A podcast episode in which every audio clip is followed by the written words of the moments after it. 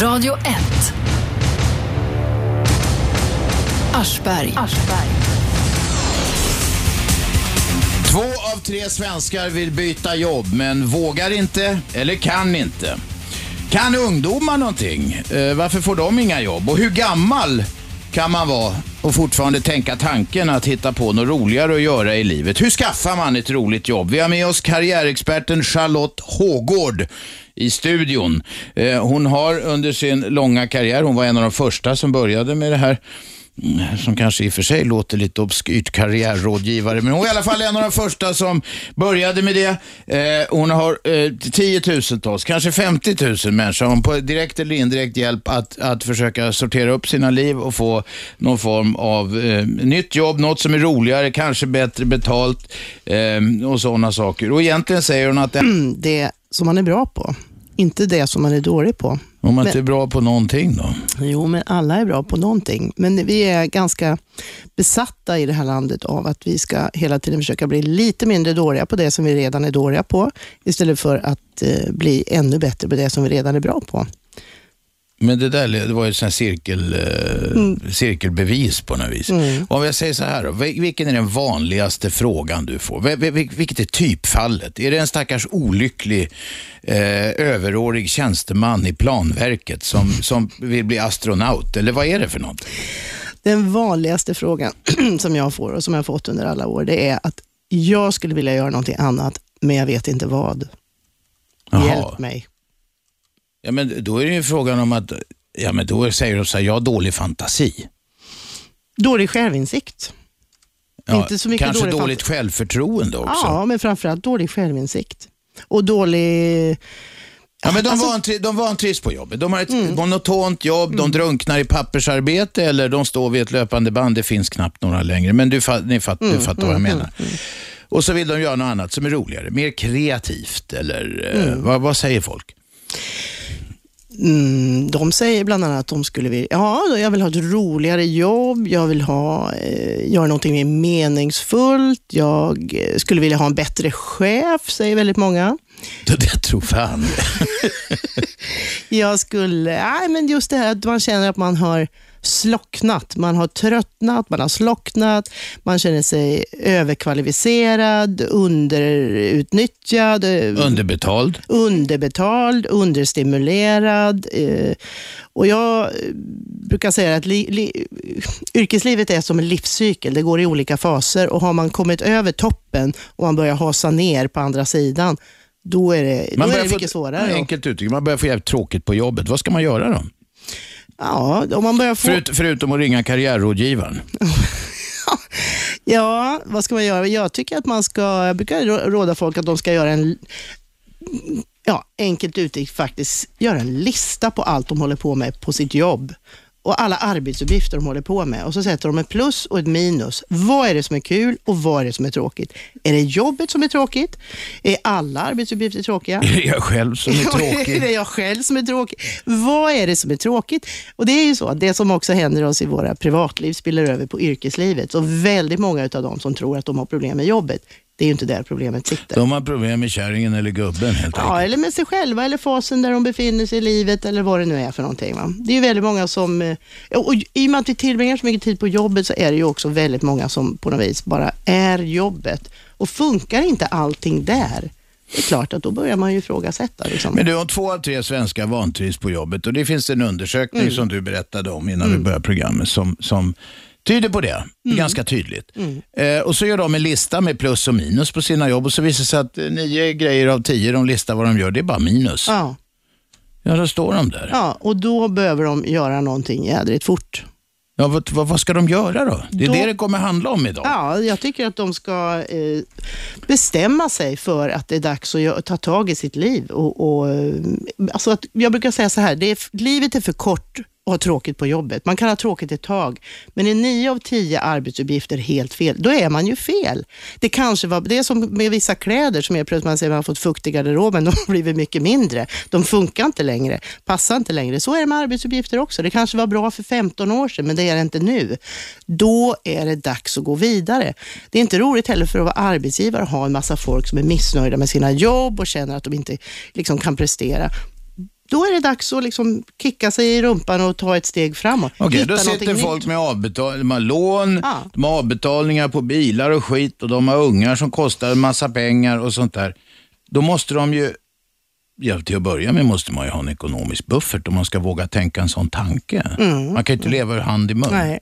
Därför är det också viktigt att man gör det här lite... Man har, man har en, liten pla, en liten plan. Va? Att säga upp, det är, väldigt, det är också vanligt att folk, åh jag står inte ut, jag måste, göra, jag måste få lämna det här stället. Att hoppa av ett jobb utan att ha någonting att gå till är eh, oftast inte en bra idé överhuvudtaget. Dels så är det väldigt mycket svårare att söka ett jobb om man är liksom är mellan jobb och inte har Nej, en det verkar ju skumt. Ja, vad har du gjort senaste månaden? Ja, jag har, då tror de att man har suttit på kåken eller Ja, någonting. precis.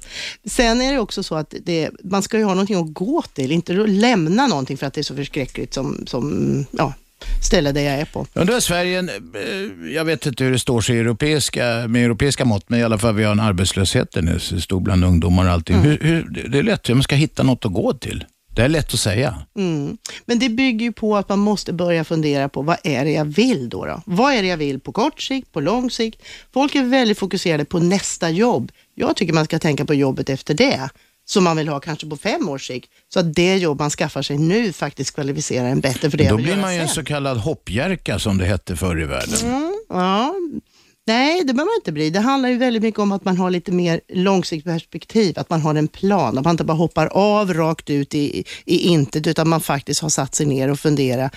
Att skaffa sig lite självinsikt, att göra en självinventering. Vem är jag? Vad är det jag tycker är kul? Vad är det jag är på väg? Sätta upp lite alternativa vägar och liksom strukturera, ta sig framåt där. Att bara hoppa av och kasta sig ut i någonting bara för man mår dåligt. Det är inte vägen till framgång. Man måste göra det här Nej, strukturerat. men okej, nu är vi klara över några, så vi tar det här. Vi måste bena upp det här Mm. Ja. ordentligt. Två av tre vantrivs på jobbet. De gör en lista.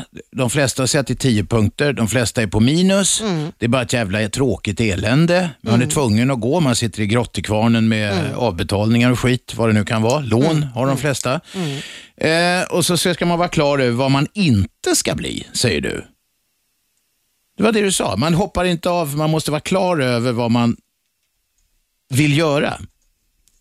Ja, hoppar av, hoppar av. Rörde jag till det nu? Ja, det var lite, det, jag vet inte, var det det jag sa? Det kanske var. Men, eh, nej, men jag tycker det är väldigt många som vill sticka ifrån. Eh, Man vill lämna, man, okej, man men vill det här är så, lämna. Att man ärligt talat, det där. Mm. låter, okej, det, det är en floskel, det kan vara sant. Man ska inte gå från något, man ska gå till, Till något. något, ja. ja. okej, men hur hittar man det där jävla till då? Ja, hur hittar man det? Ja, men då måste man faktiskt börja med sig själv och ta reda på vem är jag? Jag får en Vem är jag? Vem är du? Levande charader. Okej, vem är man då? Ja, vem är man? Mm, man kanske ska börja med att ta reda på vad har jag gjort? Vad har jag med? Väldigt många har faktiskt inte ens riktigt koll på vad de har åstadkommit, vad de har, vad de har med sig i yrkeslivet. Det är ju det att man du frågade tidigare vad det är för någonting som folk frågar. Det är faktiskt väldigt vanligt idag också att många vill byta karriär. Man vill göra någonting helt annat. De vill börja dreja, eh, dreja. De vill bli drejare och göra krukor på Gotland. Eller? Ja, inte så mycket så, utan jag säger att det är väldigt många som till exempel vill, vill jobba med människor. Det är ju Du, en annan jävligt vanlig, den är ju så trött. Jag vill bli något inom media. Mm, eller jag vill jobba med människor. Ja, visst, det är bara att söka till långvården. Där brukar de ha jobb lediga. Mm. Som pottkusk eller något sånt där. Då får man jobba med människor. Mm, mm, mm. Väldigt mycket och ganska intimt också. Men det är ju inte det de menar. De menar att de vill ha ett jobb som ger dem mer energi, som gör att det känns eh, roligare. Man, jobb, man kanske sitter med ja, siffror, man jobbar på en fakturaavdelning eller man jobbar med någonting och där man är långt ifrån kontakt med andra människor. Och kontakten med andra människor ger någonting annat än kontakter med siffror. Det ger energi, det är roligt, man känner själv att man utvecklas, man får mer liv i arbetsdagen. Jag tror det är väldigt mycket det som människor Det blir väldigt svepande när man snackar om de här grejerna. Vi måste försöka bli konkreta. Ni ska snart få börja ringa till oss eh, och eh, få råd av Charlotte Hågård här. eh, I den mån ni vill byta jobb. Om ni är tillhör de där två av tre som, som tycker det är trist på jobbet. Om vi tar Shabbe här till exempel. Shabbe, vi ska inte tala om din ålder, men du är inte så gammal i gården.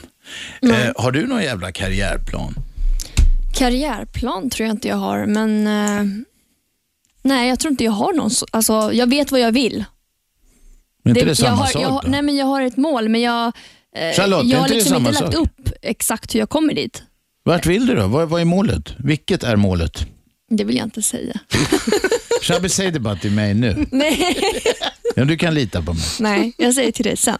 Okej. Nej, men jag har ett mål, men menar du att man måste sitta och skriva upp allting och hur man ska nå de här målen? För det är jag skitdålig på. Jag tycker det, det, som, det som du säger nu är väldigt viktigt och väldigt ovanligt egentligen. Att man har ett mål. Det är väldigt många människor som inte har ett mål överhuvudtaget. Vad skulle jag kunna göra och mm, vad finns det för mig? Och Jag tror det är där man måste börja. Liksom titta på det som jag sa tidigare. Vad är mina styrkor? Vad är det jag tycker är kul? Var hittar jag energin i mitt jobb? Ja, men vänta ett tag. Folk, om man säger så här, eh, massor med människor har ju en hobby och tycker det är jättekul att plocka svamp eller skruva med entreprenadmaskiner eller några sådana sunda intressen. En del har osunda intressen också, sitta och spela dataspel till exempel. Men det där kan man ju inte få jobb på Jo. vanligtvis. Jo då. Hur då? Mi- Min kompis lillebror var coach för eh, så här, dataspel och grejer. Han åkte världen runt och tjänade massa kan man pengar. bli coach på vad fan Ja, det är som sant. helst? Nej, men det är sant. Han, alltså, han var ledare för en grupp som eh, spelade dataspel. Och så Det kan man också jobba med. Åh herregud. Ja.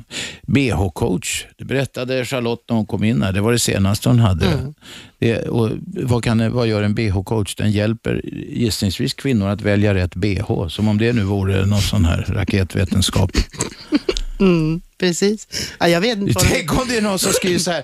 Ja, jag vet vad jag vill bli i livet. Det är inte BH-coach du vill bli, va Shabbe? är det det? Är det nej. det som är målet? Jag kom Nej, på det nu. Nej, men på tal om BH-coach, när man går in på Victoria's Secret i USA så har de sådana som springer runt där och Det är faktiskt, sån här för raffiga underkläder, affär för det. ja, de hjälper dig välja ut rätt BH för att det finns ju folk som verkligen inte har koll på det, hur märkligt det än låter. Men jag, jag förstår inte riktigt att de kan göra karriär utav, alltså en, en grej att jobba på en sån här, i en sån här butik, men en annan att jobba som BH-coach, frilansar man då eller hur gör man då? Ja, jag har ingen aning, det var, jag, det var någonting jag hörde. Men jag, jag tror att egentligen så handlar inte det om själva hantverket, om jag, om jag är BH-coach eller om det är trosor eller vad det nu är. Jag tror Kalsongcoach. Ja, kalsongcoach. Det handlar mer om att de som håller på med det där tycker det är kul att ge service. De tycker det är kul Ja. att hålla på och hjälpa andra människor. Det är Sen oavsett vad det är, om, om de sätter på dem skor eller bh eller vad det är, det tror jag inte. Det spelar inte så stor roll. Nej. Men jag har en fråga. Mm. Har inte mycket av det här att göra med självförtroende? Hur, hur, alltså hur mycket man tror på sig själv? Det måste vara jättemycket. Mm. Det har väldigt mycket med det. Självförtroende, självkänsla. Eh, har jag något att bidra med? Eh, alla de här orden på själv är faktiskt väldigt viktiga i det här. Självinsikt pratar jag ju mycket om eftersom folk kommer med frågor. Ja, hjälp mig, eh, jag trivs inte med det här, men vad skulle jag kunna göra? Eller jag har gjort det här, hjälp mig se vad jag har med mig på ett nytt sätt. Och då är det ju, självförtroende är ju bra, för det är när du liksom börjar få go och känna, ja men jag vill, ja jag kan. Men om du inte har självinsikten vad du faktiskt har med dig. Det är det att man ska du, veta sin, man kan vända på det också, man måste känna sin begränsning. Ja, man behöver känna Men sin... sina möjligheter men också sin begränsning. Så man Mm. kanske inte tror att man kan bli eh, både astronaut och eh, FN-chef och sådär och att det är det som är målet. Mm. Att kombinera dessa två spännande yrken. Mm. Men då kommer vi tillbaka till det som jag sa inledningsvis, att, att eh, för att hitta någon slags väg framåt så är det bättre att försöka hitta sina styrkor än att gå på allting som man är dålig på, vilket ju många, fort, många håller ju på med arbetsuppgifter som de faktiskt inte är speciellt bra på. Och, men det är det, de gör det för det är det som krävs i det jobbet. Men det, det är inte det som gör att man får en fantastisk fram, framtid för att eh, Men nu sitter jag här och har ett tråkigt jobb. Jag har suttit och stansat fakturer på en bokföringsfirma i 15 år och så tänker jag att nej, nu har jag, jag är färdig med det här. Kanske inte inget fel på jobbet, man ska inte förakta eh, olika jobb. Nej. Men jag har tröttnat på det. Då ska jag söka ett annat jobb. Hur går jag, hur går jag tillväga? Och då vet jag att ja, jag är bra på, ja vad fan, när folk inte vet. Jag säger, jag är bra på att ta människor. Mm, mm. Ja, det första du måste göra det är att du måste fundera på vad är det jag vill göra då? Vad är det för jobb jag ska söka? För det är väldigt svårt att söka jobb om man inte vet vilka jobb man ska söka. Nej, det är klart. Ja. Och Vad många gör är ju att de kanske tittar i tidningen eller de tittar på Manpowers hemsida och så ser de, oj vad mycket intressanta jobb.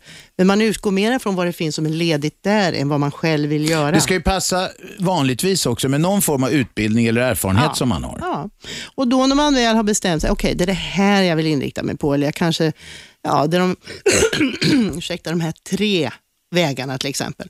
Då eh, måste jag fundera på, okej, om jag nu vill komma in på de här områdena, få den här typen av jobb, hur sjutton får jag jobb där då? Är det via annons? Är det via mitt nätverk? Är det, finns det några andra smarta sätt? Men om man ger sig fan på någonting, då måste man utnyttja alla tänkbara vägar. Absolut, men det är väldigt många som tycker att det där till exempel med nätverk är lite svårt. Vadå, vad känner jag för folk? Kan jag be folk om Men hjälp? så? nätverk, är inte det bara så teoretiska? Det kallas att man använder de kontakter man har, de vänner man har och så vidare. Det är väl det som är nätverk? Ja, det är det som är nätverk. Men för många är det ett främmande koncept. Att, ja, det är väl en sak när jag ringer och bjuder dem på middag, men ska jag ringa och prata om hur man kan få jobb eller att de kan hjälpa mig med jobb? Men det ska man göra alltså, om man har Absolut. bestämt sig? Och speciellt om man är kanske lite äldre, alltså för alla är det ju bra, men om man är lite äldre sökande då, typ att jag faktiskt eh, har kommit över 50 eller Mm. det är, va? då är ju det här med kontakter jätteviktigt. För de traditionella vägarna, för det finns en väldigt eh, snäv syn också på arbetsmarknaden, på arbetsgivare, att anställa vissa kategorier av människor. Till exempel många som har gått över 52, 53. Alltså det finns en åldersdiskriminering, helt klart. Okej. Och då ska, gäller det att, att jobba mycket med sina kontakter och ta sig förbi de här traditionella, söka jobb, annonser och allt det där. Det är gäller Vi tar lite reklam nu, sen fortsätter vi resonemangen med karriärexperten Charlotte Hågård. Eh, 0211 12 13 kan ni börja ringa på och ställa frågor till Charlotte. Jag plockar upp samtal i pausen. Detta är Aschberg på Radio 1. Radio 1. Aschberg. Måndag till fredag 10 till 12, repris 20 till 22. 101,9 MHz i Storstockholm. Ni kan också lyssna via nätet på radio1.se eller telefonappen som heter Radio 1 och är gratis och funkar bra. Karriärexperten Charlotte Hågård sitter här mitt emot mig i att göra. Nu ska vi se eh, om inte Charlotte kan ge några av de konkreta råd. Vi börjar med Johan, kom igen. Ja, tjena, tjena. Nej, jag hade en liten rundan här. Du sa förut att människor över 50 år har ju lite svårare att få jobb.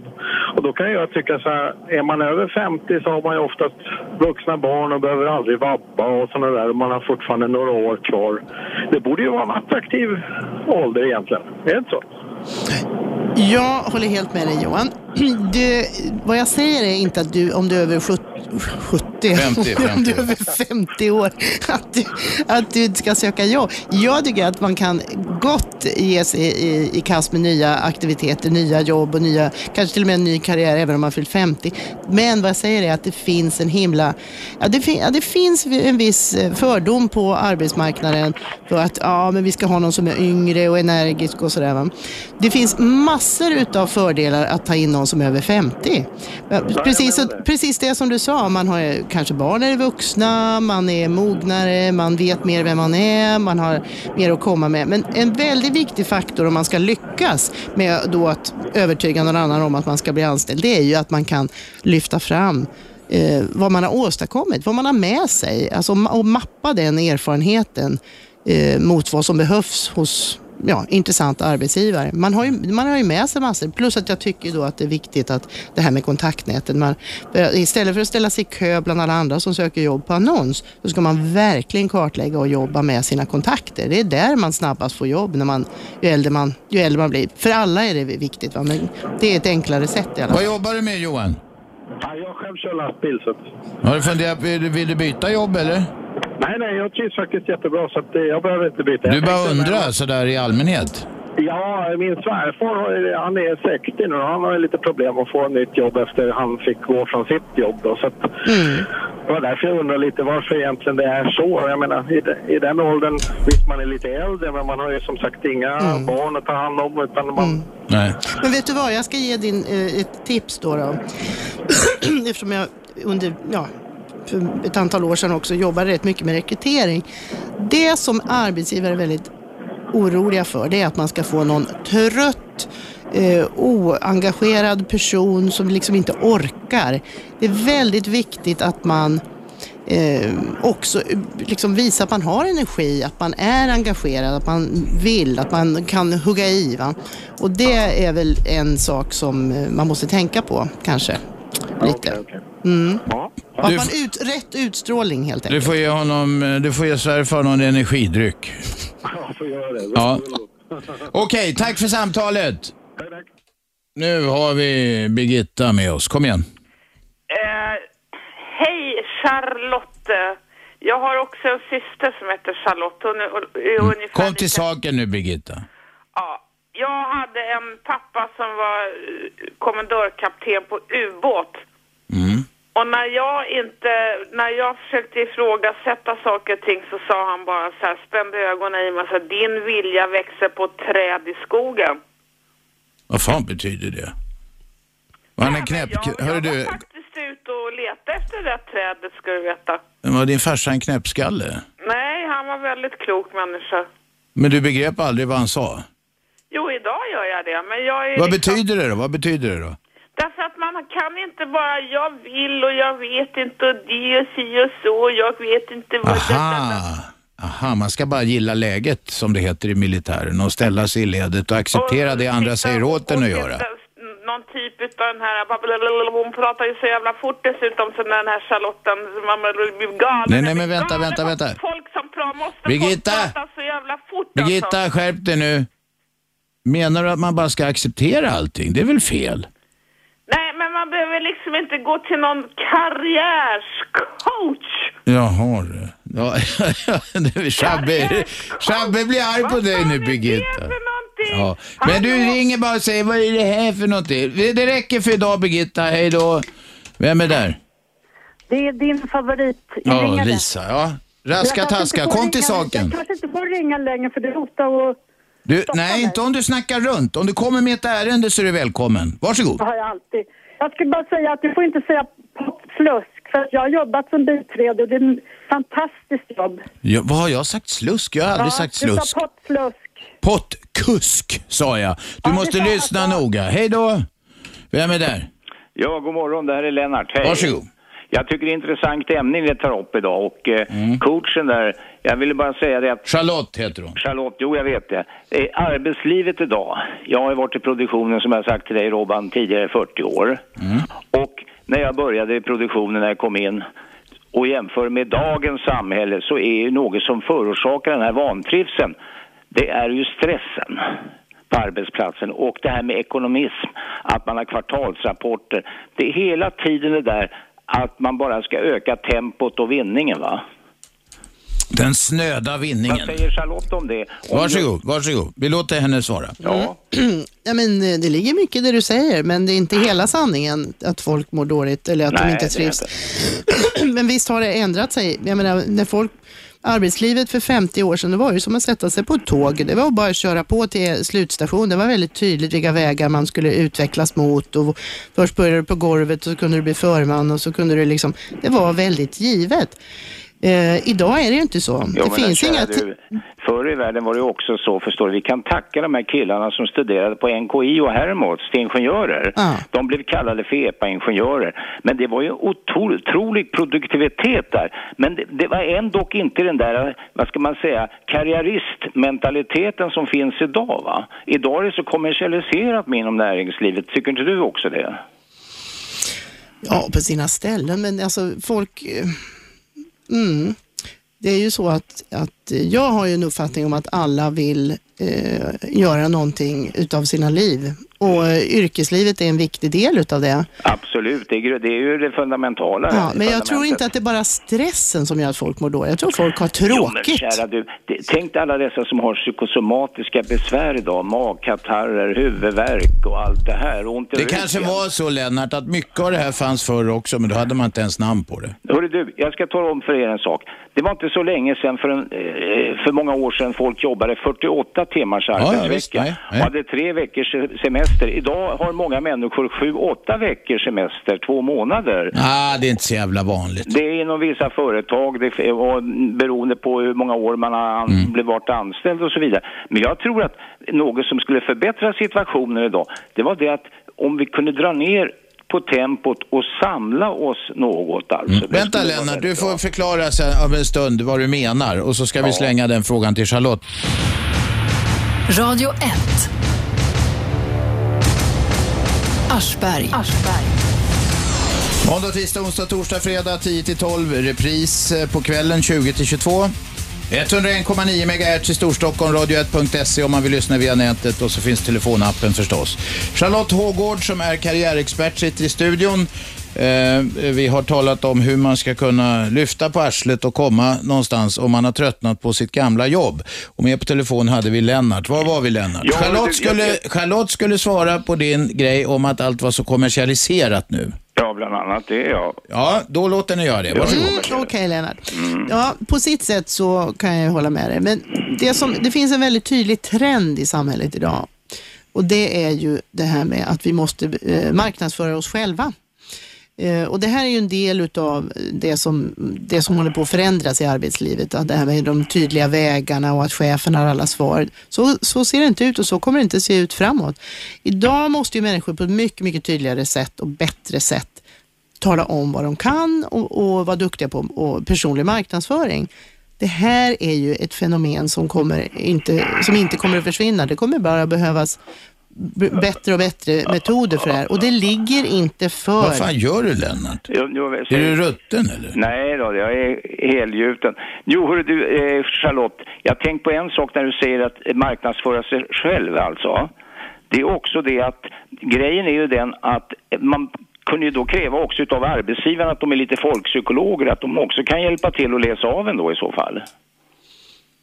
Ja, men det där är ju väldigt individuellt. Och ju det är inte annan sak, arbetsgivarens uppgift. Arbetsgivaren har ju sådana här Han måste metoder som... fan ha lite folkpsykolog i sig. Ja, men man... Vad, men, vad menar du med folkpsykologi? Jo, jag menar en människa som är lite intresserad av sina medmänniskor kan ju se karaktärsdrag alltså. Vissa människor har ju vi, vi, olika karaktärsdrag va. Mm, och det menar du att chefen ska se och utnyttja och göra den här människan lyckligare genom mer de andra Nej, arbetsuppgifter? men det jag menar, om vi skulle göra arbetsmarknaden mer bättre och stabilare här, då skulle vi försöka bli av med det där med massa deltidsanställningar, och timanställningar, och provanställningar och svartfötter Men- som kommer in och jobbar Vadå svart. Svartfötter? Svartfötter är gammalt skällsord för strejkbrytare. Ja, men det är svartjobb som håller på, vet du. Det blir svartfötter, va? Jaha. Som håller på och myglar. Ja, men nu, också, men vänta, vänta, vänta, Lennart? Lennart, Lennart. Nu är du inne på att ska lösa hela det politiska systemets eh, brister här och alltihop. Vi snackar om hur en individ ska kunna försöka förbättra sin egen livssituation, bli lyckligare genom att hitta ett roligare jobb. Ja, och ni påstår att två utav tre känner sig olyckliga eller inte trivs Ja, det är inte vi jobb. som påstår, det är en undersökning som gjordes av, vad var det nu? Skop. Charlotte? Nej, inte Skop. Ja, det var något annat. Ja, Jo, skitsamma. men hörru du, fan tänk dig. Jag Inte olyckliga tror jag inte var. De vill, kan tänka vill ha ett roligare Ja, jobb. de är intresserade av att, att Ja, få ett bättre jobb. Vad jobbar Ja. du själv med Lennart? Hörru du, jag har gått i pension. Eh, Så att det, jag har ju eh, njuter utav mitt otium. Men vad jobbar du med när du jobbar då? heter. Jag har varit på många ställen, jag vill inte gå in på det, men jag, jag trivdes skapligt hörru du ändå. Ja, men vad var det för slags jobb? Jag har jobbat inom grafiska bland annat. Ja, så. Ja, Just så var det. ja. Jag sa ju det till dig. Men jag tycker det är synd om många människor, Mm. särskilt yngre idag, som inte får någon fast anställning utan de ska ha massa Mm. provtjänstgöring och så vidare. Och sen är det ju också det att, som en inringare sa, att de som har fyllt 50 år, det verkar precis som att de är passé. Alltså, de har ju jättemycket kvar att ge utav Ja. sitt liv, va? Ja. Men det sa, Charlotte sa också att det finns en åldersdiskriminering och den får man ju då försöka slå sig igenom. Ja, men du, jag kan väl avsluta med att säga Ja, att det- jag det tror kan också betyder oerhört mycket vad man har för fritid, för vi har ju mycket fritid idag. Det är inte bara åtta timmars arbete, åtta timmars sömn och, och vila och så vidare. Man ska ha kul på Nej, fritiden. men att man har intressen va, som Ja. berikar en alltså, som, Ja. väx, som gör att man Lennart, det där fattar vi, men nu handlar det om hur man ska hitta ett bättre jobb. Tack för dagens samtal, Lennart. Tack, hej. hej, hej, hej. Vem är där?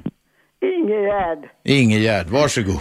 tack för det. Jag måste säga det att Charlotta har ju naturligtvis alldeles rätt. För jag har ju haft så många jobb och jag har alltid fått, du vet, du vet Robban att vad jag har jobbat. Jag började jobba som nioåring och hela mitt liv har jag haft väldigt roligt i mina arbeten. Men jag har haft mål och mål och jag har läst och läst och man måste... Men du är ju en sån här A-människa, Ja, Det jag faktiskt. Jag måste, Ja. Man måste ha ett gott självförtroende, vara glad. Ja, det, det är inget du har lidit brist på. Nej, Man måste vara glad och trevlig och, och lyssna på vad chefen säger alltså. Och visst är de psykologer alltså de här. Alla chefer är psykologer, det är ja, de det inte. kan jag inte säga, men man må- måste vara. Och sen måste man ju skaffa kunskap. Jag läser mycket psykologi själv alltså för att veta hur man... Mm. Vilket, har du någon råd till andra eller vill du ställa en fråga till Charlotte? För vi, vi hör, vi hör om, om, om alla dina kvaliteter, det hör vi om nästan dagligen.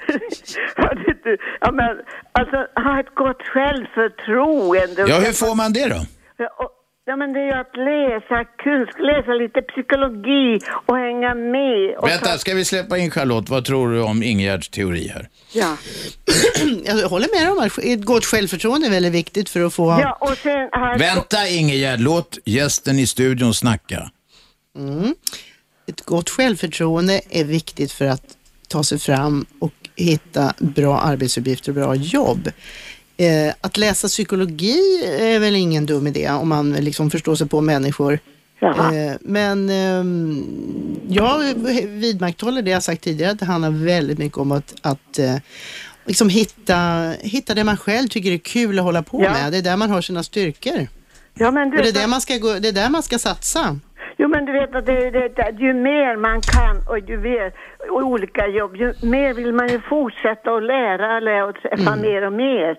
En bra självbild och så passa tider är ju väldigt på att vara trevlig och vänlig och hövlig mot människor. Mm. Jag tycker du har helt rätt. Väldigt vet, kloka Jag har synpunkter. ju jobbat så vansinnigt mycket från, i, ja, jag jobbar, ja, allt, ja, allt mellan himmelska, undersköterska, sjuksköterska, lärare, tandsköterska. Ja, men vi vet, Ingegärd, vi vet allt det här. Du är en renässansmänniska.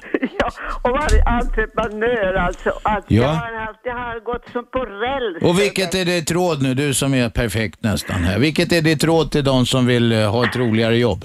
Ja, men bara, Förutom att passa tiderna. vara trevlig och vänlig och se Ja. glad ut Ja. alltså. Och vara positiv till det. Och försöka i alla fall. Jag kanske inte är så duktig på det här, men jag ska göra mitt bästa när jag kommer till jobbet. Just det, vi säger det. Tack Ingegärd. Vem är där? Ja, det är Jari här. hej. Jari, Ja. varsågod. Jari Olli Va? heter jag. Jari Olli. Jari, Jari Olli? Ja, precis. Jag lever fortfarande. Ja, det, det, vi är glada att höra det. Vi- Vad vill du, varför ringer du hit? Jag kunde berätta hur det är att vara en nordisk neger. Va? Är du en nordisk neger? Är det för du är finnpajsare? Hallå? Ja, vi tappade honom. Du får ringa igen om du har batteri kvar eller vad det är. 0211 12 13. Vi har Charlotte Hågård i studion. Hon är karriärexpert. Och hon hjälper folk att eh, försöka hitta roligare jobb helt enkelt. Vem är med på telefon? Jocke. Tjena. Varsågod.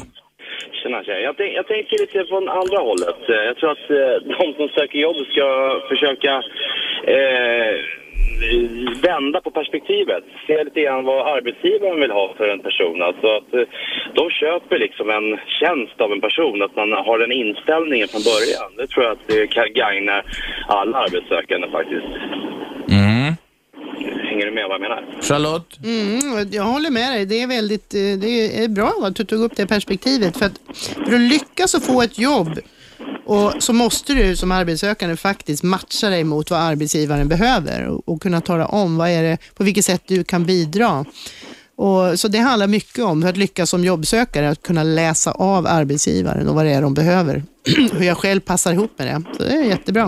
så kallad för matchning. Det är en sak att många sitter ju då med arbeten och kanske inte trivs och de kanske har för låg lön och sådär. Och så ska de ju marknadsföra sig själva tycker du då. Men egentligen är det väl att de ska från början visa att de faktiskt eh, måttar det som, eh, så att det, det blir liksom pröjs efter jobb då på rätt sätt. Ja, ja, nu har man en tanke. Ha det bra då.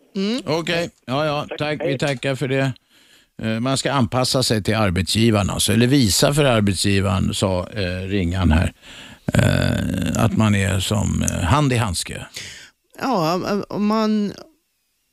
All, alla arbetsgivare, alla, alla jobb har ju... Eh, ja, du ska, genom, du ska utföra vissa arbetsuppgifter. Det är Mm. vissa saker som krävs för, av en person som ska utföra de Ja. arbetsuppgifterna. Om du ska lyckas slå dig fram och eh, bli den som blir kallad på intervju. Du måste skriva ansökningsbrev, du måste skriva CV, som blir läst, som arbetsgivaren blir intresserad av att läsa.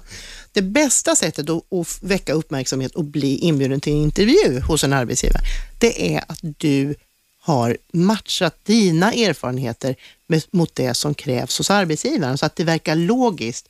Det är många som bara rabblar upp vad de har gjort, Mm. söker sig kanske till en, eh, en ny typ av jobb, en ny karriär och när man läser det här så förstår man inte, men vad sjutton, vad, vad gör den här eh, ekonomi eller re- redovisningspersonen på det här lärarjobb? Alltså man har inte gjort kopplingen och det är det som är att hitta Är detta den ett här vanligt matchningen. fel, menar Ja, du? det är ett vanligt fel. Det är ett Okej. vanligt fel. Och då gör ju det att väldigt många undrar också, varför kommer inte jag på intervju? Jag som har så mycket bra erfarenheter. Men de har inte ens tagit reda på Nej, man- vad det är eh, eh, som behövs på den här firman eller eh, Ja, myndigheten Ja, eller, eller vad, man, vad det nu kan vara. Ja, dels kan det vara det och dels kan det vara att, det, det, det kräver lite extra arbete det där att sätta sig in i och förstå, okej, det, här är vad de- det här är vad de kräver, A, B, C, D. Mhm. Hur matchar jag? Och jag matchar på A, B, men inte på C och kanske på D. Och eh, liksom att göra den här logiska kopplingen och, och liksom tala om, när jag beskriver mig själv så ska jag ju presentera vad jag kan bidra med. Och då eh, måste, det, alltså att få ett jobb idag, det är, alltså det är, är, man måste vara proffsig, man måste förbereda sig ordentligt, man måste ha läst in sig. Ja. Mm. För arbetsgivaren kanske får 200-300 ansökningar om det är en annons till exempel.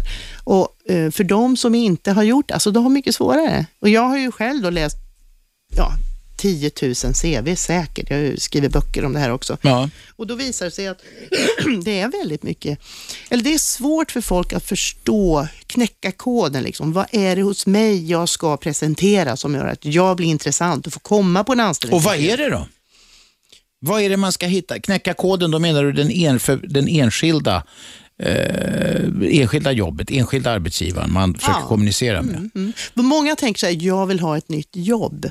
Jag, man utgår väldigt mycket från sig själv. Man läser ansökningsbrev. Jag vill ha ett intressant Mm. jobb. Jag vill utveckla mig. Men, Men det skiter ju arbetsgivaren de i. fullständigt De vill ha en jävel som jobbar Ja, som hårt kan och vill ha lite betalt. Ja, ja, inte nödvändigtvis lite betalt, men man vill i alla fall ha en person som gör rätt saker och som är intresserad av att bidra till, till företaget. Ja.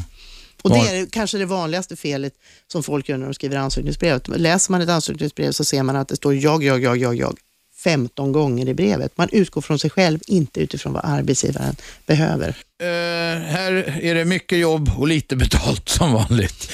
Eh, vi är strax tillbaka. Charlotte Hågård sitter i studion. Hon är karriärexpert och svarar på lyssnarnas frågor. 0211 12 13. Jag plockar upp samtal i pausen. Det här är Aschberg på Radio 1.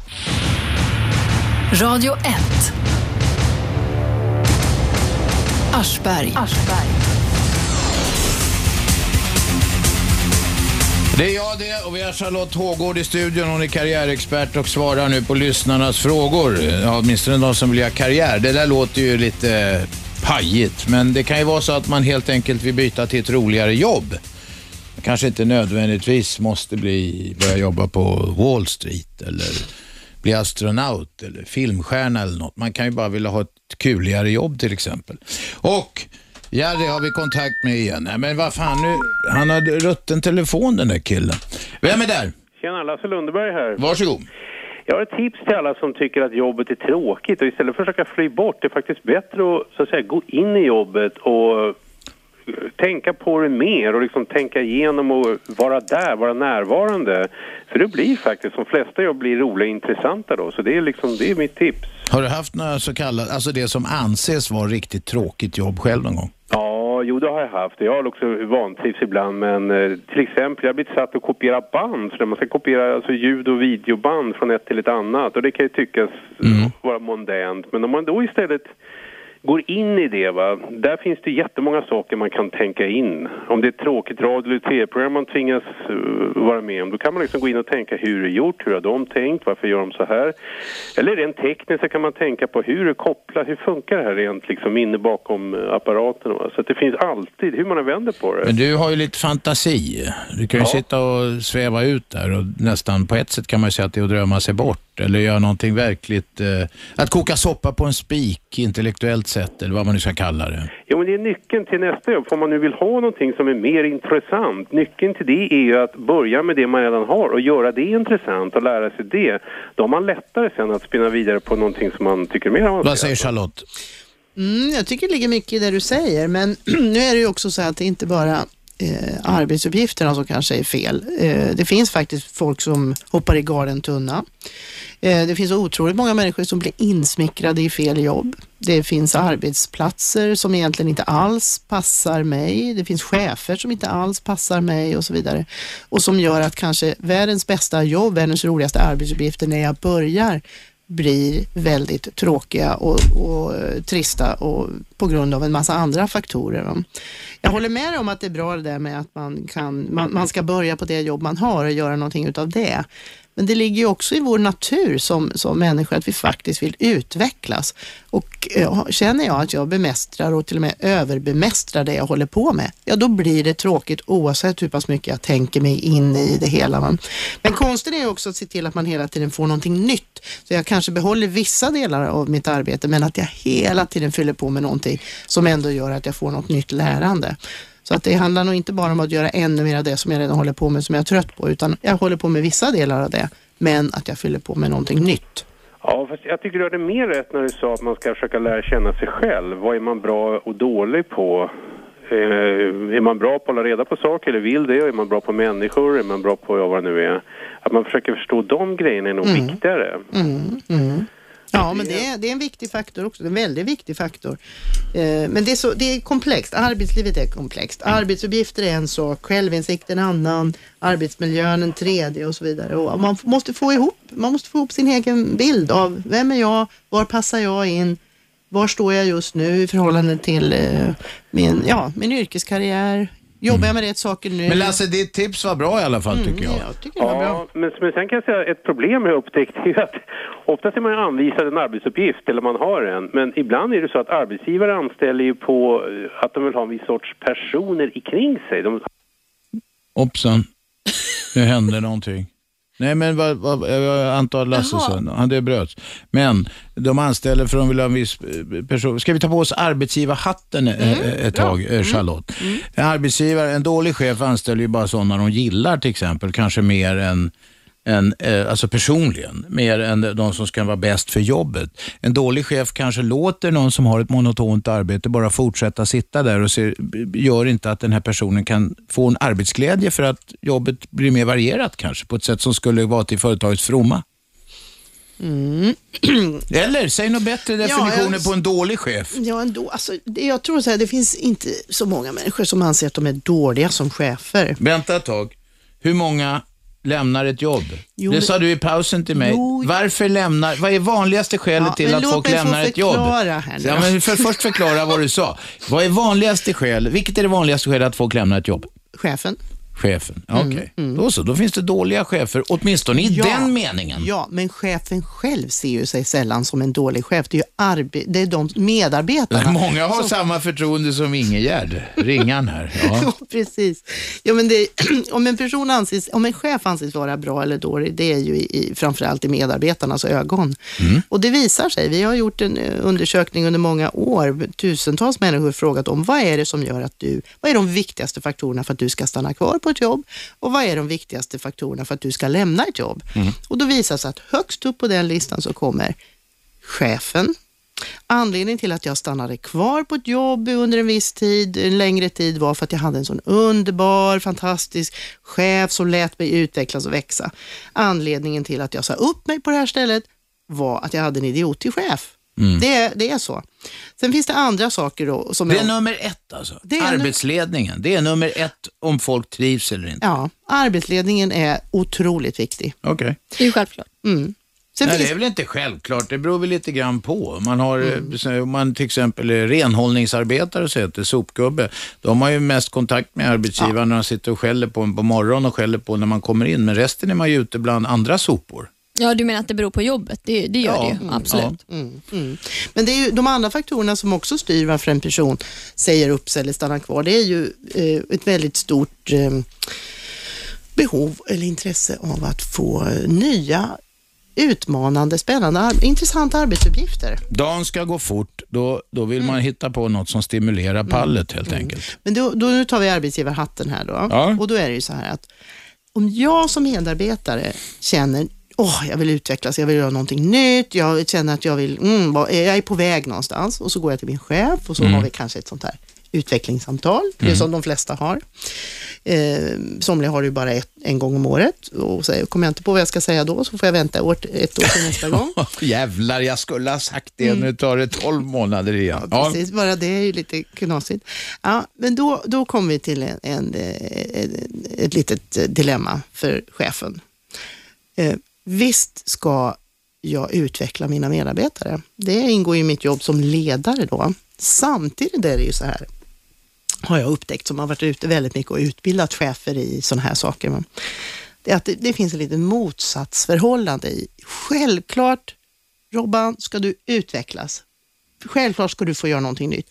Å andra sidan tycker jag ju faktiskt att du är jäkligt bra på det du redan gör här. Mm, Och jag behöver dig i det här jobbet.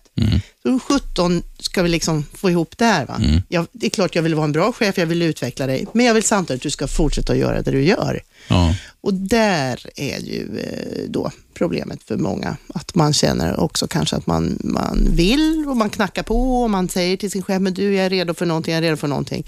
Och man tycker att det händer ingenting.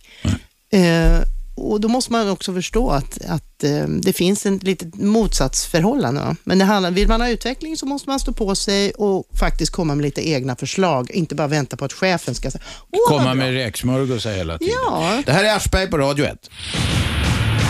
Radio 1. Vi går in på andra timmen med karriärexperten Charlotte Hågård i studion. 0211 12 13 är numret ni ringer. 101,9 MHz är frekvensen ni lyssnar på i Storstockholm. Eller så lyssnar ni via radio1.se eller telefonappen. Jag heter Aschberg och eh, vi har med en ringare. Vem är där? Ja, det var Rickard där. Tala till Charlotte. Du Charlotte, eh, du säger att eh, de flesta människor när det blir tråkigt till dess då att man vill eh, då kanske försöka byta jobb och det som 50-åringarna och sånt där och det. Är det inte A och O också att det roliga det med jobbet då att man har bra arbetskamrater? Är inte det nästan 60 procent av att man trivs och går till jobbet? Det är jätteviktigt med bra arbetskamrater, men det är ju också så här vet du, att vi har lite olika preferenser. Någon, tycker, någon har väldigt mycket fokus på arbetsuppgifterna. Någon annan har mera fokus på att det ska vara kul på jobbet med kollegorna. Någon annan har fokus på att det ska finnas eh, eh ut, bra karriärutvecklingsmöjligheter. Så att våra preferenser är väldigt olika. Men det är klart att eh, miljön med bra kollegor och så vidare, det är väl jätteviktigt. Ja. Men jag, jag kan dra ett eh, parallellt där. Jag jobbade natt på eh, Ericsson i Gävle. Och där satt det folk och gjorde såna här monotona, de testade kretskort som skulle vara i eh, såna här sändare och det som skulle ner till eh, Asien och det. De, har- då frågade jag då, för jag jobbade och gjorde kylanläggning där, så jag frågade då, ja vad, vad gör du då? Frågade folk gick runt där, i, vi höll på en månad. Det var ingen som visste någonting vad de gjorde för något. Det jag bara testar och så ska det komma upp den här parametern och det. Ja men du, snälla du. Ja, så de visste, där grejen de testade, de visste inte vad den var till eller vad det skulle sitta eller någonting. Nej, nej, och jag blev så förbannad till slut så jag gick in då, för där på Ericsson då, då var det då en chef som hade två chefer under sig som hade två stycken. Det var mycket påvar där, så jag gick in när de hade ett morgonmöte så sa jag ursäkta mig, så, här, så bröt jag det. Och så talade jag om för dem, snälla ni, ni måste göra något så folket här får känna en meningsfullhet. Vad sa de då? då?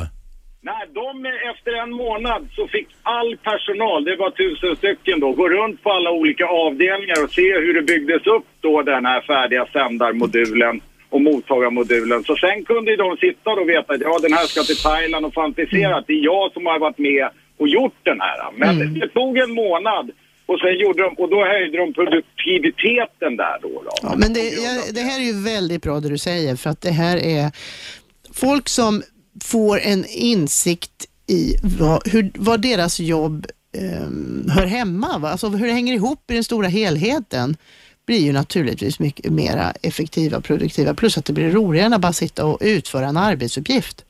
Ja, Så att, eh, hade det var en jättebra håller poäng. Ja, ja, ja, för jag sa det att det, det kan inte vara sant att folk... Men hon hade sett då. Innan eh, så var det, gjorde de radioapparater och sen blev det Ericsson och det då. då. Men nu är den fabriken borta då. då. Men eh, det, det var, sånt måste stora företag tänka på. Att man måste engagera medarbetarna mera så de känner sig mera behövda. Det är A och O när det gäller eh, att ha stora företag med produktivitet och det tycker jag personligen. alla fall. Vad, vad sa du att du jobbar med dig? Du höll på med någon kylanläggning åt dem? Ja, jag gjorde en kylanläggning åt dem Och så kommer det som någon jävla messiasgestalt där och bankar in på ett ledningsgruppsmöte och säger nej hörni, nu får ni ta er själva lyfta er i kragen och förklara för era anställda vad fan de håller på med. Jag är lite som dig Robban. Jag, när jag tycker något är fel då säger jag ifrån.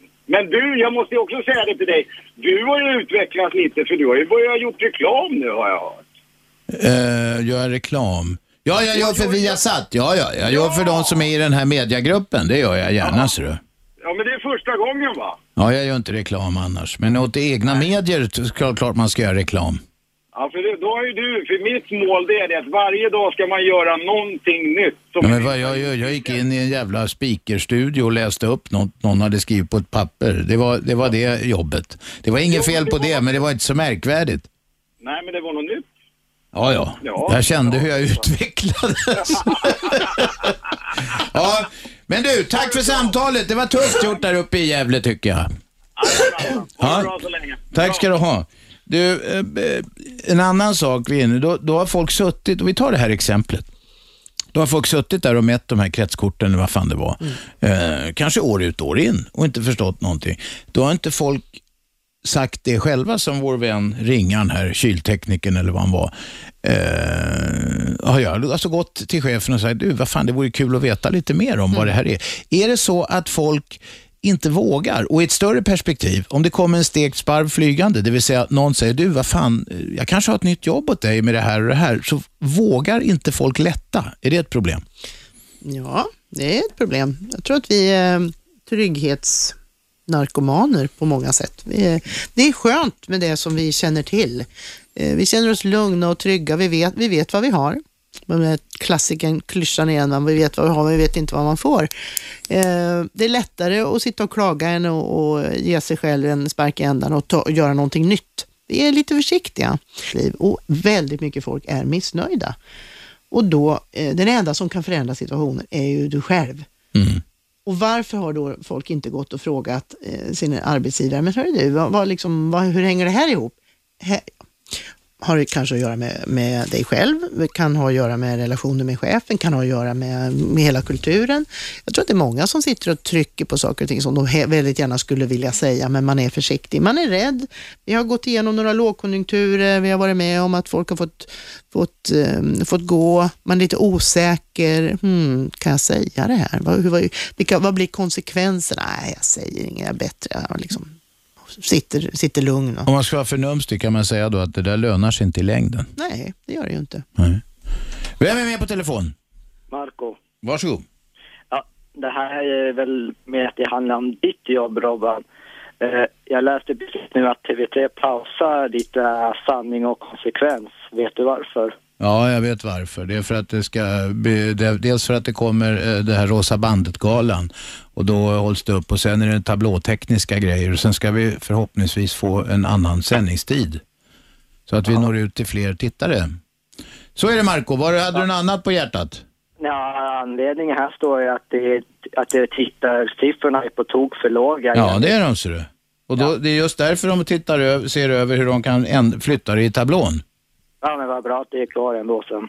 Ja. Ja. Så vi är på återseende säger jag då Marco. Ja, men det var bra. Ja, hej då. Eh, nu kommer vi från kärnämnet. Vi kan göra en och annan utvikning, men eh, vi ska tillbaka till kärnämnet en stund till. Vi har nämligen Charlotte Hågård i studion. Hon är karriärexpert och eh, svara gärna på frågor för de som eh, funderar på att lyfta från jobbet. Två av tre svenskar trivs inte på sin arbetsplats eller tror i alla fall att de skulle kunna hitta något bättre. Varsågoda och ring oss. 0211 12 13 ska vi se om Charlotte har några handfasta tips. I väntan på det, hur formulerar man en, ett, ett bra sån så kallat CV? Alltså CV betyder eh, curriculum vitae, alltså lev, levnadshistoria och då är det karriärmässig levnadshistoria vi, ta, vi talar om. Om man till exempel som Shabbes kusin som mässade Shabbe alldeles nyss sa så här, han har jobbat med liknande grejer. Vad skrev han Shabbe? Ja, man skriver flexibel, jag är flexibel, jag är stresstålig. Eh, att, man, att man ska undvika de här klyschorna och istället förklara varför och hur man är. Vad säger Charlotte? Mm, då kanske vi ska ta eh, ett, två, tre här på jobbansökan. Tips här då. När man söker jobb behöver man två dokument. Man behöver ett personligt brev och man behöver en CV. CV är ju en presentation av din ska jag säga, arbetslivshistorik som kan, förr i tiden hette det meritförteckning. Idag så är det ju mera en, en ja, beskrivning och som kan anpassas lite på olika sätt. Va? Men det är i stort sett vad du har med dig, vad du har gjort. Det ska innehålla ett mål, det ska innehålla ett mål med den här ansökan, det ska innehålla en sammanfattning av snabbt, ungefär som en ingress i en tidning. Tjong, det här är jag på liksom fyra rader och sen så beskriver man ju då vad, eh, vad, man har för, vad man har jobbat, vad man har för arbetsuppgifter, vad man har gjort och vad man har presterat. Alltså vad man har åstadkommit i ett jobb istället för att bara rabbla upp arbetsuppgifter. Då kan man ta upp lite om, om naturligtvis om utbildningar, utbildningsnivå, kan ta med lite, lite personliga saker också, vad man, typ vad man har för kunskaper, språk, data och sådana här saker. Sen så brukar det ju vara så att man ska ha med ett personligt brev och det är väl där det här med rabblandet brukar komma. Det här, jag har ju skrivit två böcker. Jag har skrivit en som heter CV-boken och en som heter Ansökningsboken som handlar precis om det här. Är det, fär, är det färdiga formulär? Ja, mer eller mindre. Massor av exempel ja, i alla okay. fall. Va? För det här är svårt för människor. Hur sjutton ska jag skriva ett personligt brev? Alltså den frågan har jag fått tusentals gånger. Och då brukar jag säga så här, ja, till att börja med så ska du ju ha en intresseväckande inledning som på något vis gör att den som läser, den som sitter där och undrar var finns min nya anställd, faktiskt blir intresserad av att läsa vidare. Och det är precis, jag brukar prata om tidningsprincipen. Intresseväckande rubrik, intresseväckande ingress, tjong, jag vill läsa resten. Här brukar det bli lite svårt. Jaha, vad ska jag berätta om mig själv då? då? Och det är då folk börjar rabbla. Klyschorna. Jag, jag är stresstålig, lyhörd, eh, glad och positiv. Jag är, och så fortsätter det. Va? Och det, är, det är samma som klyschorna i kontaktannonser? Det är samma som klyschorna, men vad ska folk säga då? Jo, det viktiga är, visst kan man säga att jag är social eller jag är duktig på att lösa problem. Men då ska man också ge exempel. Så man kan säga så här, jag ska berätta lite om mig själv. Jag är en person som är duktig på att lösa problem och ett exempel på det är när mitt, i mitt förra jobb, jag, da, da, da, da, hände det och det och då gjorde jag så här. Mm. Jag är dessutom social och utåtriktad och ett exempel på det är så att man inte bara rabblar upp, alltså jag har ju läst att folk har skrivit 10-15 personliga egenskaper. Och det är inte så här att all, man skriver jag är glad och positiv. Det är en stor lögn. Människor är inte så himla glada och positiva, i alla fall inte hela tiden. Och det ska tiden. vi vara glada för. ja, ja, så att därför så är det bättre att ha med kanske fem saker som verkligen säger vem jag är och sen ta exempel på det. Ja. Du sa ju, jag frågade ju dig Robban, då, vad, din egen karriär då, hur, liksom, vad har varit viktigt? Ja, jag har bara hoppat vet, på. Vet, vet, vet du en grundläggande grej? Ja. Jag har aldrig tänkt på karriär. Jag har haft en jävla tur och har fått olika. Det är faktiskt sant. Jag har någonstans strävat till, jag, när jag var riktigt eh, tonåring, då ville jag bli journalist. Jag hade ingen jävla aning om vad det jobbet innebar. Mm. Eh, och jag sökte till Journalisthögskolan två gånger och eh, eh, en gång var jag för ung, jag fattade inte vad det var. En annan gång kom jag till psykologen. Då hade man kommit vidare och där sprack det ju totalt. Vadå till psykologen? Ja, det var sån urvalsgrejer och det sprack helt. Jag kunde inte snacka med psykologen där. Nej, vad roligt. Nu Ja. måste du förklara. Nej, men jag, jag kommer inte ens ihåg det, men det skar sig fullkomligt. De vill inte jag dig bra gå på alla tester och. Nej, nej, jag kom inte in där. Men, men det var lika bra det, för jag hade bara kastat bort två år. Vill man bli journalist så är det bara att bli det. Det är bara att börja, sen får man kämpa och slita. Men okej, men då ska jag ge dig ett karriärråd utifrån det du säger då. Ja. Jag har haft tur, säger du. Alltså det kan, man ju, det kan man ju naturligtvis lite ödmjukt säga i ett ansökningsbrev, men jag hävdar ju med bestämdhet att tur är bara en del i det hela. Du har också varit i flödet. Du har passat på, det har dykt upp en möjlighet. Wow, vad kul, det här tar jag. Du har ju liksom hela tiden tagit dig fram av egen kraft. Sen finns det en sak till. Tur är också en skicklighet. Radio 1. Aschberg. Varje vardag 10-12 på 101,9 MHz i Storstockholm. Lyssna också via radio1.se, det är nätet det, eller telefonappen som heter Radio 1 och är gratis. Det är också gratis att ringa hit på 0200 11 12 13. Charlotte Hågård sitter i studion. Charlotte är karriärrådgivare och vi har med Bobby. Varsågod. Ja, hejsan. Mitt namn är Bobby. Ja, det sa jag nyss. Kom Ja. till saken. Ja, hej, hej Charlotte. Hej, hej. Det har blivit hårdare idag på arbetsmarknaden. Jag är ganska gammal. Jag var ju med på 80-talet också och sökte jobb. Då var det ju inga problem att få jobb. Men eh, det, det känns som att klimatet i, i, i dagens Sverige har blivit hårdare. Det är ju det är ju en tuff marknad. Står du, är du, söker du jobb just nu? Står du mellan jobb? nej, det gör eller? jag inte. Men det, det är mycket det är arbetsgivarnas marknad. Eller hur? Ja. Ja, men, ta till exempel ett vanligt butiksjobb som det var hur lätt som helst att få på det glada 80-talet. Men nu kan det vara en 150 sökande till ett sånt jobb. Va? det, man, det man ser då, då Bobby är ju att eh, det är väldigt mycket av de där, vad ska vi kalla, som förutsågs som lite enklare jobb som har försvunnit. Ja. Och det gör ju då också att sånt där som kanske ungdomar när man började eller någon som kom från, ja, som kom in, kom in i Sverige och, och ville börja, då hade man liksom en startplats. Idag är det naturligtvis, det är fler som söker jobben. Det finns färre av den här typen av jobb. Och det, det bidrar ju till att det, är- det är många som söker. Ja, men om man säger det, det här ger ju också utrymme för många giriga eh, arbetsgivare till exempel som utnyttjar människor som idag, till exempel då om man ska ta, dra kast då, de här ICA-handlarna till exempel, de anställer ju unga människor. De ställer inga krav, eh, de här människorna ställer inga krav varken på lön eller arbetstider. Och, och då de här handlarna, de, de kör ju skiten ur dem. Och sen äldre personer som, som ställer lite krav på lön och arbetstider och mänskliga rättigheter och värderingar, eh, de är inte lika intressanta. Till exempel så er, er, erbjöd de mig, jag har ju en, en lång eh, arbetslivserfarenhet på 20 år.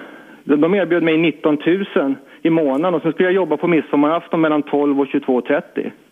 Vad sa du om det då? Tog du det eller inte? Nej, nej, utan jag bad ju dem fara åt helvete. Mhm. Jag menar, det, det är så det fungerar idag. Mm. Men då, då, då är det så att då, finns det, då kan man ju ändra på det politiska systemet. Man går till sin riksdagsledamot och säger nu får vi införa ett annat politiskt system här eller något. Det, det är inte så jävla lätt att göra. Och det kan man ju ha olika åsikter om vilket som är bäst för ekonomin och folks allmänna välbefinnande. Men om vi säger att läget är givet som det är. Eh, eh vad, ska, vad, ska, vad ska man göra då, då Charlotte? Bobby sitter i en tråkig sits där. Han har jobbat 20 bast. Han får ett eh, skittaskigt erbjudande eh, med dåliga villkor. Mm. Ja, alltså då handlar det ju om att eh, du måste ta ett beslut. Det beror ju på, har du ett jobb, alltså prata generellt, har du ett jobb idag? Eh, är, det här, eh, är det ett fruktansvärt eh, trist jobb? Är det här bättre? Eh, har du tålamod? Har du ekonomi att vänta? Hitta... det är ju så, när man får ett jobberbjudande så måste man ju själv bestämma sig för, är det här något jag vill ha? Är det någonting jag ställer upp på? Kan jag tänka mig att göra det här? Det här är de villkor jag får. Okej, kan jag göra någonting åt villkoren? Kan jag snacka med den här arbetsgivaren? Kan jag få upp, på- påvisa genom att jag kan berätta att jag har så mycket mer erfarenhet och kan bidra på ett bättre sätt till just era affärer på ICA eller vad det nu är, eller bra service eller att man kan marknadsföra vissa erfarenheter som du har med dig. Eh, om du kommer fram till, nej det här vill inte jag ha, nej men då är det bara att säga nej.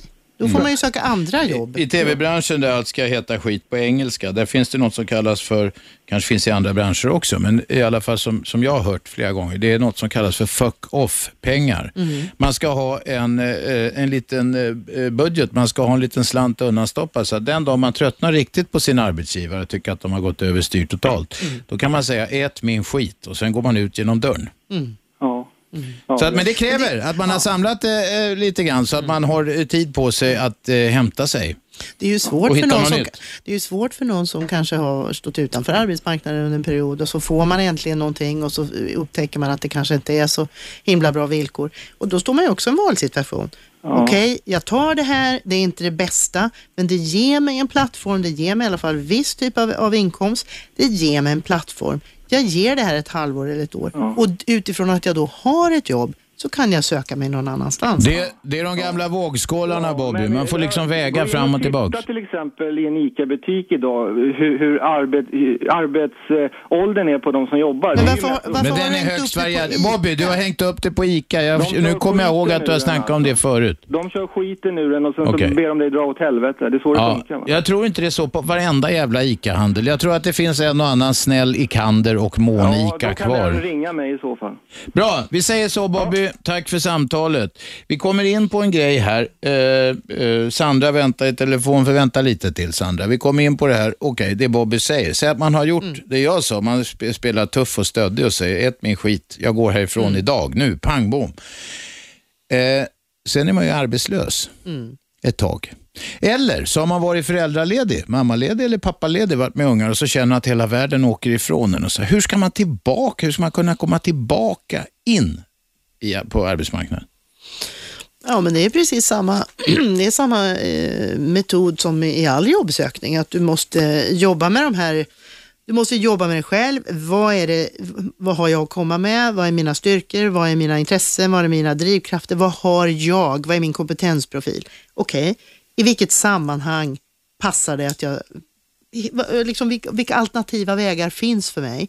Sen får man börja kartlägga arbetsmarknaden och sen får man börja jobbsöka när man har hittat liksom vägar. va. Eh, du måste skriva en, en, eh, en bra ansökningshandling, det här med CV-brev som vi pratade om tidigare. Eh, Men det som händer om man till exempel har varit föräldraledig, det kan ju vara att man känner att man har varit så borta från allting. Mm. Eller att man kanske, det finns ju de som har mist jobbet eller vad det nu kan vara, eller själva inte haft någon kontakt med sin arbetsgivare under hela den här tiden. Och då är man lite orolig för det så kanske man faktiskt också borde ha en liten plan för att någon gång under den där föräldraledigheten faktiskt ta en fika eller gå och hälsa på eller ta en lunch så man håller sig lite ajour med vad som har hänt. Ja? Mm. Så man inte ramlat av helt och hållet. Men man måste ju bli en aktiv jobbsökare om det är så att man Och våga tro på sig själv. Våga tro på sig Det är själv. viktigt. Ja. Och då menar jag det är väldigt svårt att bygga upp ditt självförtroende om du inte har den här självinsikten om vad du har med dig och vad du, liksom just dina styrkor och vad du kan bidra med. För till syvende och sist, all jobbsökning handlar om att du, det är precis som dating. Du måste få någon annan intresserad utav dig. Jag brukar säga, du måste få en arbetsgivare att bli lite förälskad i dig och säga wow, den här vill vi ha. Och då måste du ju känna att du, du har något att komma med. Sandra, Yes. tala till oss. Ja, jag sitter i den här sitsen som tillhör den tyvärr tråkiga statistiken att man är missnöjd med jobbet på grund av en hemsk chef. Eh, nu har jag kommit, ja, och nu har jag kommit så Tänk långt om hon lyssnar nu, eller han. Ja, precis. Därför tänker jag inte säga vad jag egentligen heter. Nej, nej, jag förstår det. Du reser under antaget namn. Varsågod. Precis, tackar. Eh, och nu är det som så att nu har jag gått in på Metrojobb och lagt ut mig själv där och har gjort ett sånt här CV och personligt brev och allting. Men jag sitter ändå så i sitsen, för jag är snart 40 år och inte har några barn. Och då känner jag att jag liksom inte till arbetsmarknadens förfogande just för att jag ligger i riskzonen att folk tror att jag ska skaffa barn så fort jag får ett jobb. Vilka är folk? Nej, jag tänker mest, alltså jag vet ju själv hur det varit på mitt företag eller på det som jag jobbar på nu när man anställer nytt folk. Och, och då chefen alltid pratar om vilken ålder är hon i, har hon fått barnen? Nej men då skiter vi det, ta nästa. Det är den attityden. Mm. Och vad är din fråga? Ja, Min fråga är, vad ska jag göra mer? För att jag har hållit på nu och sökt i två månaders tid och det går väldigt, väldigt trögt och jag söker väldigt aktivt. Mm. Sandra, du ska få svar alldeles strax. Vi ska ha nyheter emellan. Häng kvar bara, Tackar. så får du svar från Charlotte. Eh, Det här är Aschberg på Radio 1. Radio 1. Aschberg. Måndag till fredag 10 till 12 på 101,9 MHz i Storstockholmsområdet. Om ni inte visste det så är det här Sveriges nya pratradio. Man kan lyssna via radio1.se också via telefonappen. I studion karriär, karriärexperten och rådgivaren Charlotte Hågård. Och vi talade med Sandra. Sandra, är du kvar? Jajamensan. Ja, och ditt problem var, om jag ska sammanfatta det, du är 40 bast ungefär. Ja, ja. Du reser under antaget namn idag därför att Ja. du är rädd att din chef ska höra. Det är en rutten chef säger du och du eh, eh, vill ha ett roligare jobb men tror inte att du kan få något fast du har sökt i två månader därför att de eventuellt nya cheferna tror att du ska bli på smällen direkt. Precis. Bra, nu slänger vi den till Charlotte. Varsågod. Mm. Men är det där skon klämmer tror du? Ja, alltså det, det, det är precis det jag tror. Jag har fått några jobb har jag fått. Men det är så här en månaders, två månaders jobb till som lite säsongsjobb har jag fått. Och, och det vågar man ju inte ta. Man har ju ett boende som man måste liksom klara av. Men har du någon, alltså, har du, har du någon långsiktigt mål? Vad, vad är, vad, vet du vad det är du vill, liksom, har du en inriktning? Har du ett mål? Vart, vad det är för typ av jobb som du skulle Mm. vilja ha? Nej, just nu sitter jag så mycket i skiten så att jag, jag, jag bryter ihop hemma och biter ihop på jobbet. Mm. Så, nu du är har ett jobb idag men du skulle vilja Ja. ta det därifrån? Ja, ja, precis. Jag kommer ju aldrig säga upp mig så länge jag inte har något jobb. Mm, mm, mm. Tyvärr. Men en, en, det, det där med, jag kan hålla med att det kan finnas en, en syn kanske på att om man är 40 och man är kvinna och man har inte barn alltihopa. Men Mm. till syvende och sist så handlar det ändå om dig själv och din förmåga att marknadsföra och berätta för arbetsgivare om vad du kan bidra med. Så frågan är, hur, om, skulle du gå till mig och jag skulle vara din karriärrådgivare så skulle jag direkt börja titta på, okej, vad är det för typ av jobb du söker? Har du en Mm. jobbsökarplan? Hur ser dina ansökningshandlingar ut? Hur Mm. lägger du upp din jobbsökning? För att det finns ju många olika sätt att söka jobb. Men det är inte så lätt att få träff om man inte riktigt har en tydlig bild av vad det är för typ av jobb man söker. Då menar jag inte att ett jobb, utan typ av jobb. Vad har du med dig i bagaget? Vad är det du ska inrikta dig på? För det här som du, åh jag trivs inte och jag mår så dåligt av det här. Det är ju också en, eh, skapar ju en enorm stress. Ja, Så att, precis. Ja, så att om du inte trivs och mår- bra i det jobb du har idag så eh, har du, alltså du har ju, ja du, på, situationen är ju så att du måste gilla läget men du måste samtidigt jobba väldigt, väldigt aktivt med en jobbsökarplan, hur du, vad det är du ska göra och hur du ska ta dig dit. Ut och nätverka, ut och dejta, käka lunch, käka frukost, drick kaffe med folk i ditt nätverk, eh, be någon som är duktig och rekrytera någon som du känner, kolla på dina ansökningshandlingar, träna på vad du berättar om dig själv. För jag tror till syvende och sist, det handlar inte alls om att man alla sitter och undrar, hmm, ja hon kanske ska få barn, va? utan det handlar om väldigt många andra saker. Jo, men det gör det ju säkert. Sandra! Som jag känner ändå, ja. Upp med humöret. Du, tack så hemskt mycket. Det där går bra. vidare. Ja. Ja. tack så hemskt Okej, tack. 0211 12 13. Nu tar vi konkreta eh, problem här så ska vi se om Charlotte har lösningar till er. Eh, det är bara att ringa in, ni kommer rakt ut i etern. Eh, det var alltså inte så, det var din bedömning här Sandra, det var inte den där barngrejen Nej. utan, utan det var något annat egentligen. Och är detta vanligt att, att skon klämmer någon annanstans än vad folk Ja. tror? Ja, det är vanligt att skon klämmer någon annanstans än där man tror. Och var klämmer den egentligen och vad tror folk att den klämmer? Vad är de vanliga eh, f- vanföreställningarna? Alltså det är väldigt individuellt, men man får för sig allt möjligt.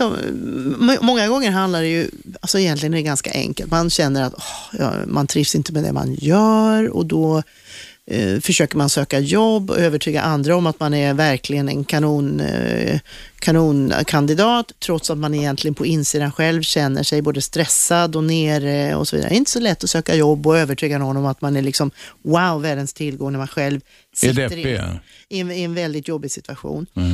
Eh, en vanlig vanföreställning, ja men det finns inte så mycket jobb att söka. Det är ju en vanlig grej. Va? Men alltså, det finns ju det är ju så mycket arbetslösa, det finns ju så mycket jobb att söka. Det finns det visst. Det gör det. Ja, det finns massor av jobb att söka. Så de som inte hittar något jobb nu, de är lata bara? Nej, men jag tror de är ofokuserade. Man har dålig koll på det här med vad är det för typ av jobb som egentligen skulle vara eh, passar mig och där min kompetens kommer in. Va? Om Det har- handlar, ja, precis. Det handlar mycket om verklighetsuppfattning va? Ja, men det, det är en väldigt vanlig uppfattning. Ja, men finns det inte så mycket jobb att söka? Hur ska jag kunna få ett jobb?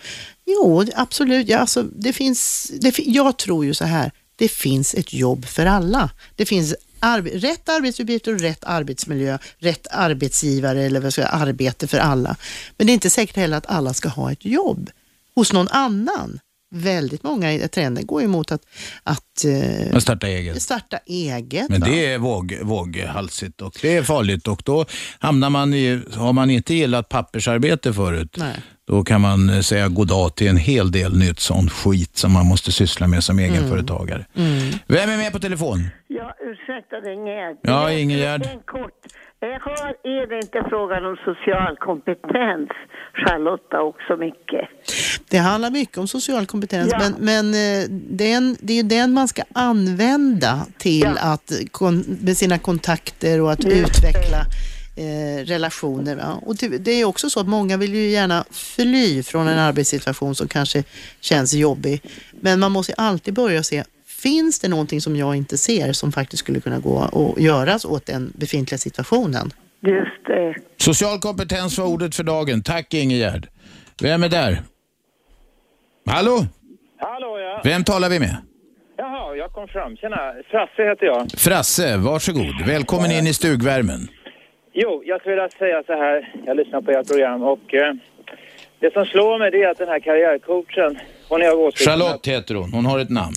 Ja, Charlotte är av åsikten att det är hela tiden en arbetssökandes, så att säga, brister som gör att folk inte får jobb. Och jag tror inte riktigt på det längre för att vad tog resonemanget om det här två tredjedelssamhället vägen? Är det inte så att vi har en ständig arbetslöshet så att säga? Det är ett företag som behöver anställa, de anställer folk och de hittar folk. Det har inte med det här CVt att göra och de förutsättningarna utan det finns det lönsamhet i en person då tar man in dem. Och idag så an, anlitar man de här eh, inhyrningsfirmorna eller man hyr in arbetskraft Bemanningsföretag menar du? Bemanningsföretagen.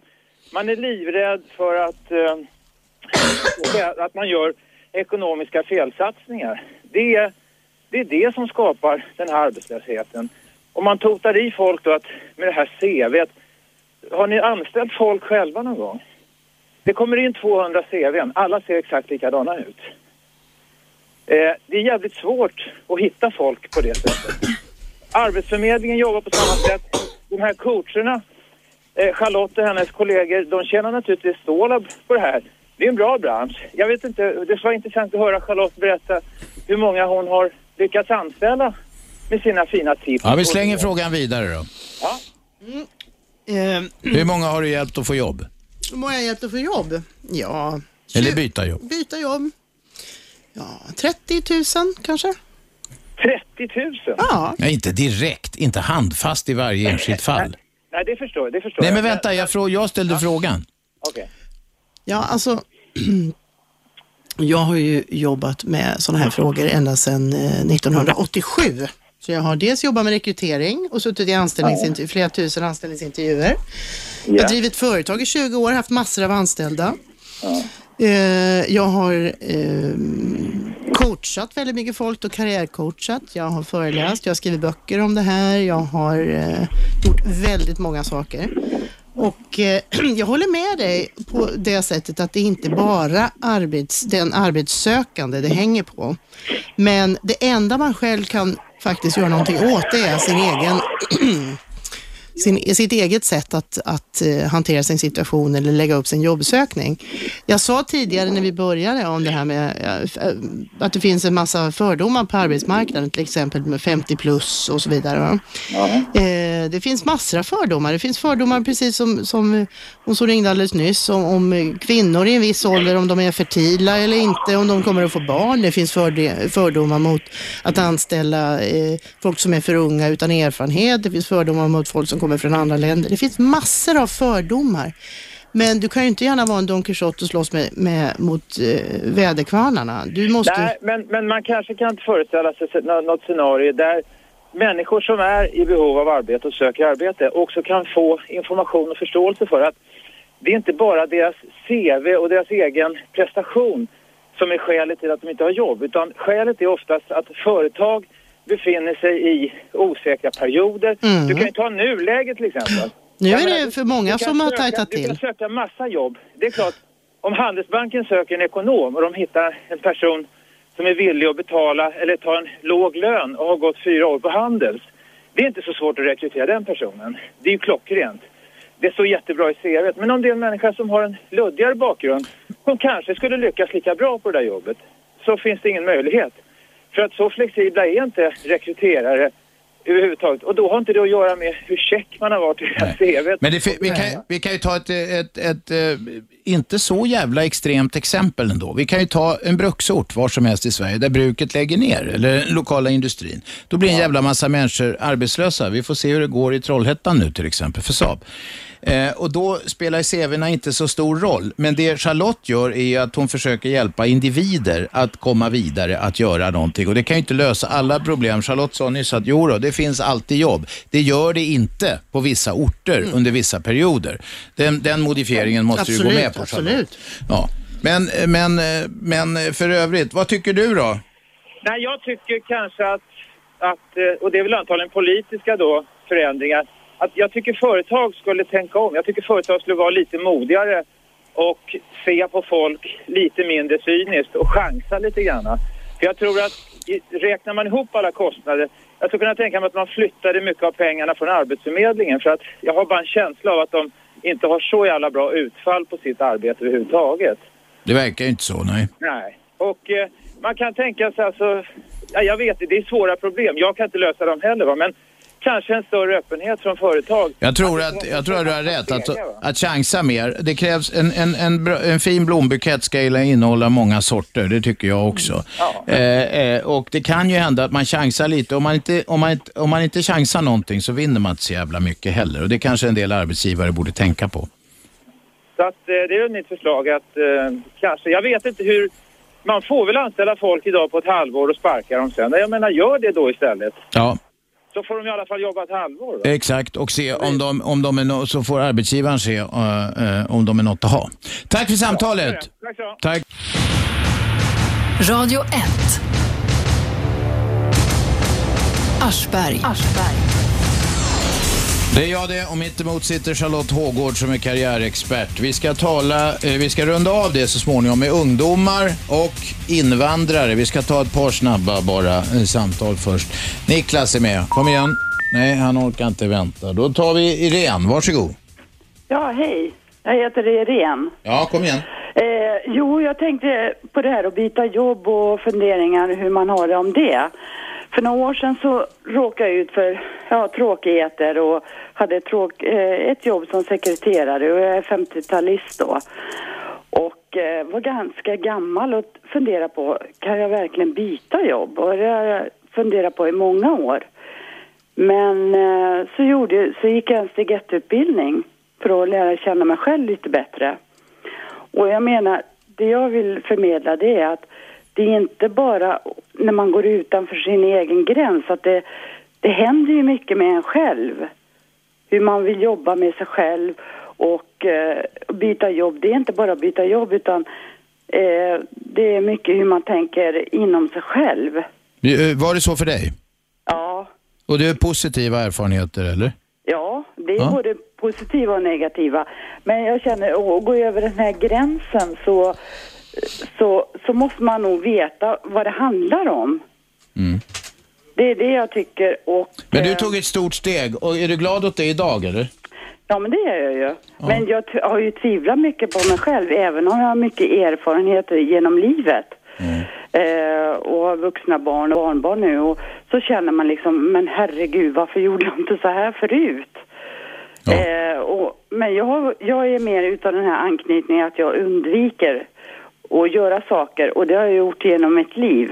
Att nej, jag vågar nog inte gå den här kursen. Men nu Jag gjorde du det och är du glad efteråt att du gjorde det? Ja, det gjorde jag och jag pågår och jag har bara en halv termin kvar nu liksom. Ja, ja. Och det är jag jätteglad. Men att folk ska fundera på att gör man ett steg längre ut att det krävs ju att man har en, ja, sån psyke som man orkar med det. Ja, det kan vara tufft. Men du Ja, är det glad. Vi så. gratulerar dig. Lycka till. Tack. Tack, tack, hej. Nu tar vi lite här. In, eh, arbetslösheten är störst bland ungdomar och eh, invandrare. Mm. Hur ska de bete sig för att få ett jobb? Här snackar jag inte om att skriva, vanligtvis inte att skriva något långt jävla CV. Ungdomar kan inte skriva ett långt CV av naturliga skäl. Invandrare och andra grejer emot sig. Mm, ja, ja, då kan vi börja med, med ungdomar tycker jag. Ja. Eh, alltså jag har väldigt stark, starka åsikter kring det här med ungdomar och vad som de behöver göra för att komma in på arbetsmarknaden. Det är, någonting, det är något systemfel tycker jag, det här med att man skickar ut ungdomar från gymnasiet utan att de har fått någon form av förberedelse. De vet inte vad, de vet inte vad arbetsmarknaden, hur den ser ut, man vet knappt vad en intervju är, man har ingen kunskap om hur man söker jobb. Och jag tycker att det är någonting som verkligen behöver ändra sig, att man får in karriärkunskap eller jobbkunskap på schemat redan på gymnasiet, kanske till och med tidigare. Så fungerar det i USA till exempel. Jag håller med. Där är det ju, alltså till och med på lågstadiet så får de liksom kunskap om olika yrken och hur man gör och sådär. Skick, se till att ungdomar får den här kunskapen på gymnasiet, åtminstone så man går ut så man vet hur ska jag bete mig på en anställningsintervju. Man kanske till och med, precis som man får göra med, med andra uppgifter, eh, så har, har, man, har man med sig ett litet ansökningsbrev och en CV så man förstår att det är det som är verktygen. För det som händer, det är ju att folk går ut, ungdomar går ut gymnasiet, Jaha, och så vet de inte hur de söker jobb och så går de till Arbetsförmedlingen och så hamnar de i så kallade arbetsmarknadspolitiska åtgärder. Ja, det verkar det är ju ett att, elände. att någon annan hela tiden ska, alltså de har ju inte fått de verktyg de behöver. Och jag har ju då en, en eh, ja, söner själv då, ungdomar. Och eh, min äldsta son är lite i det här söka jobb, eh, ja, perioden i sitt liv då, mellan utbildningar och sådär. Han har ett antal kompisar i samma situation. De vet ju inte vad de vill, vet inte riktigt hur man söker och hur man tar sig in. Va? Så att vi måste få in det här mycket, mycket tidigare. Sen är inte det lösningen på allt. Men eh, jag tror igen det här med självinsikt, att fler får verktyg för redan som unga. Vad är mina styrkor? Vad är det jag är bra på? Vad är det jag, alltså arbetsmarknadskunskap. Så man blir lite mer, alltså hjälp till självhjälp. Vi kan inte hålla på och bara låta andra människor hjälpa oss från det att vi är eh, hur unga som helst. Då. Men hur ska man göra när man får höra att du ska ha erfarenhet för att få det här jobbet? Hur får man erfarenhet om man inte får jobba? Ja, alltså det är ju väldigt svårt. Det är ju svårt att hävda att du har erfarenhet om du inte har det.